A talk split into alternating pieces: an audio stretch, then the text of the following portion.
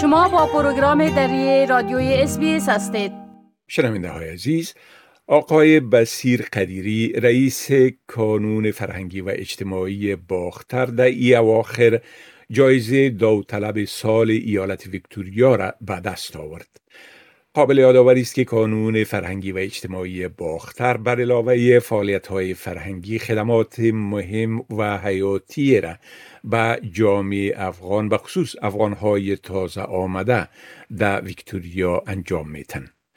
ما اکنون آقای قدیری را با خود داریم تا درباره ای جایزه که نصیبشان شده و همچنان فعالیت های کنونی و برنامه های آینده انجمنشان توضیحات بتن آقای قدیری به پروگرام دری اس بار دیگه خوش آمدین.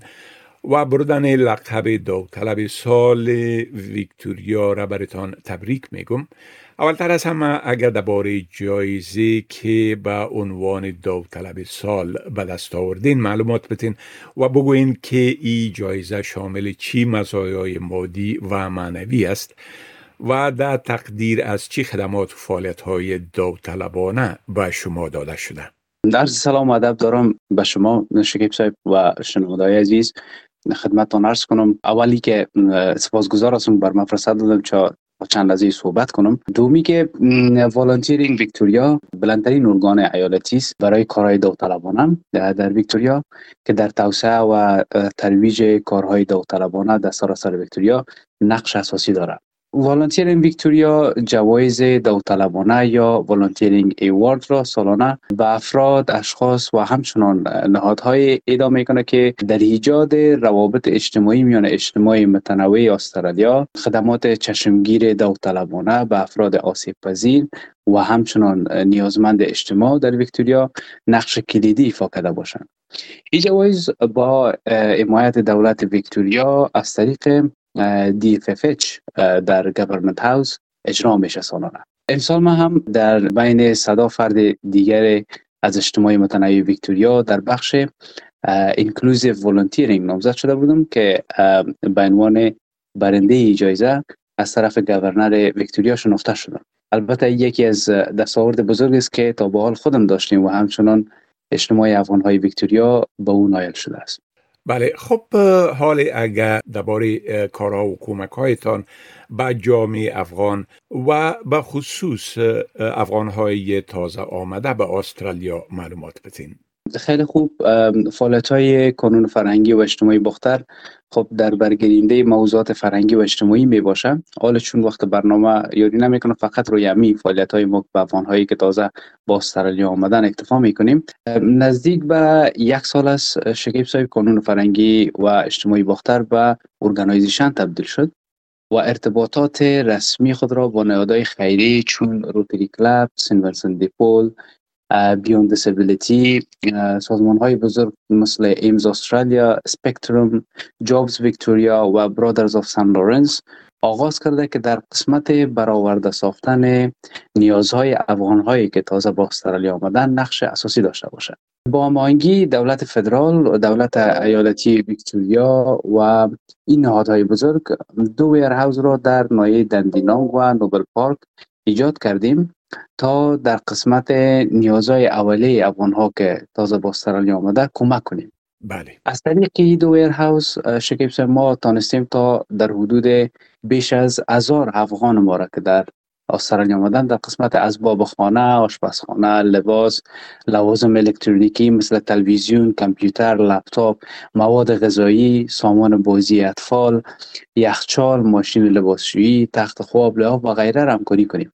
در پهلوی فعالیت ها برنامه های آموزشی و معرفی موضوعات اجتماعی استرالیا را همچنان از طریق باختر Media Network با هماهنگی AMES استرالیا نیز ارائه کردیم که در حدود شش قسمت با موضوعات و مضامین مختلف خدمت هموطنان ما پیشکش شد. البته قابل تذکر می‌دانم که این همه فعالیت ها شکیب سر داوطلبانه بوده و تیم باختر هیچ مزد از این فعالیت ها دریافت نکردن و همچنان این فعالیت های ما ادامه داره بله خب شما در ارتباط به جمعوری و فرستادن کمک ها به داخل افغانستان هم کارها و فعالیت هایی می‌کنین. اگر امکان داشته باشه که در ای باره هم یک مقدار توضیحات بتین شما لطف دارین سلامت باشین. شکیب صاحب ما اگر چی ارگانیزیشن باختر قسم ساختارش در استرالیا است که ما بیرون از استرالیا چیزی که دیگه دریافت می‌کنیم از طرف حکومت به عنوان فند رو روان کردن نمی‌تونیم ولی ما یک سلسله کمک ها را با یاری و کمک های افغان های ما که در داخل استرالیا است تانستیم جمع‌آوری کنیم و با یک تعداد افغان های ما در داخل افغانستان و همچنان در پاکستان روان کنیم. ای البته پشت صحنه است این کارهای ما زیادتری را تبلیغ نمی‌کنیم در صفحه social media و نه در وبسایت. به خاطر از اینکه نمی‌خوایم که با مو ساختار organization ما کدام مشکل ایجاد کنه. account بسیار جداست مختلف است. فقط هدف ما امو زمین سازی از است که کمک هایی که از میشه از افغان های ما اونا راسن به افغان های ما در داخل افغانستان برسن بله. خب می‌تونین بگوین که چی برنامه ها و پروگرام های برای آینده دارین؟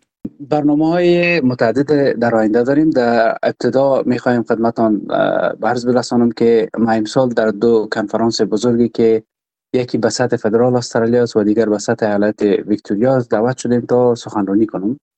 یکی که به سطح فدرال است در تاریخ 16 ماه جون امسال می باشد در سفوتل در مرکز شهر ملبورن و موضوع کنفرانس تنوع فرهنگی و مهاجرت است. در این کنفرانس شخصیت های سیاسی مدافعان حقوق مهاجرین و ارائه کنندان خدمات اجتماعی از سراسر استرالیا شرکت می‌کنند.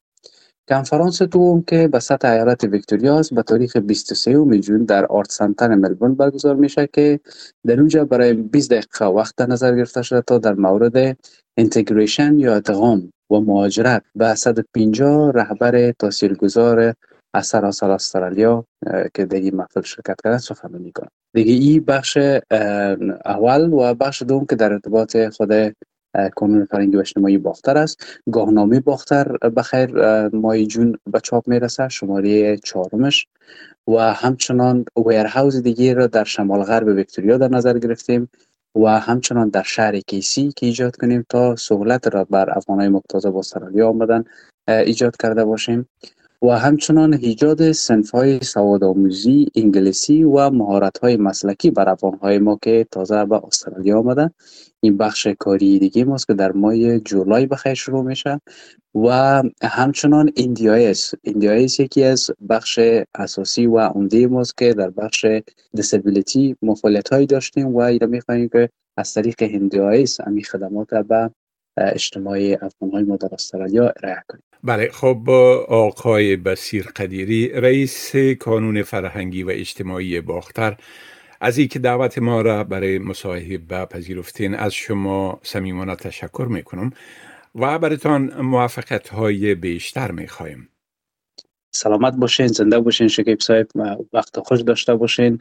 خدا نگهدارتان بپسندید شریک سازید و نظر دهید. اسپیس دری را در فیسبوک تعقیب کنید.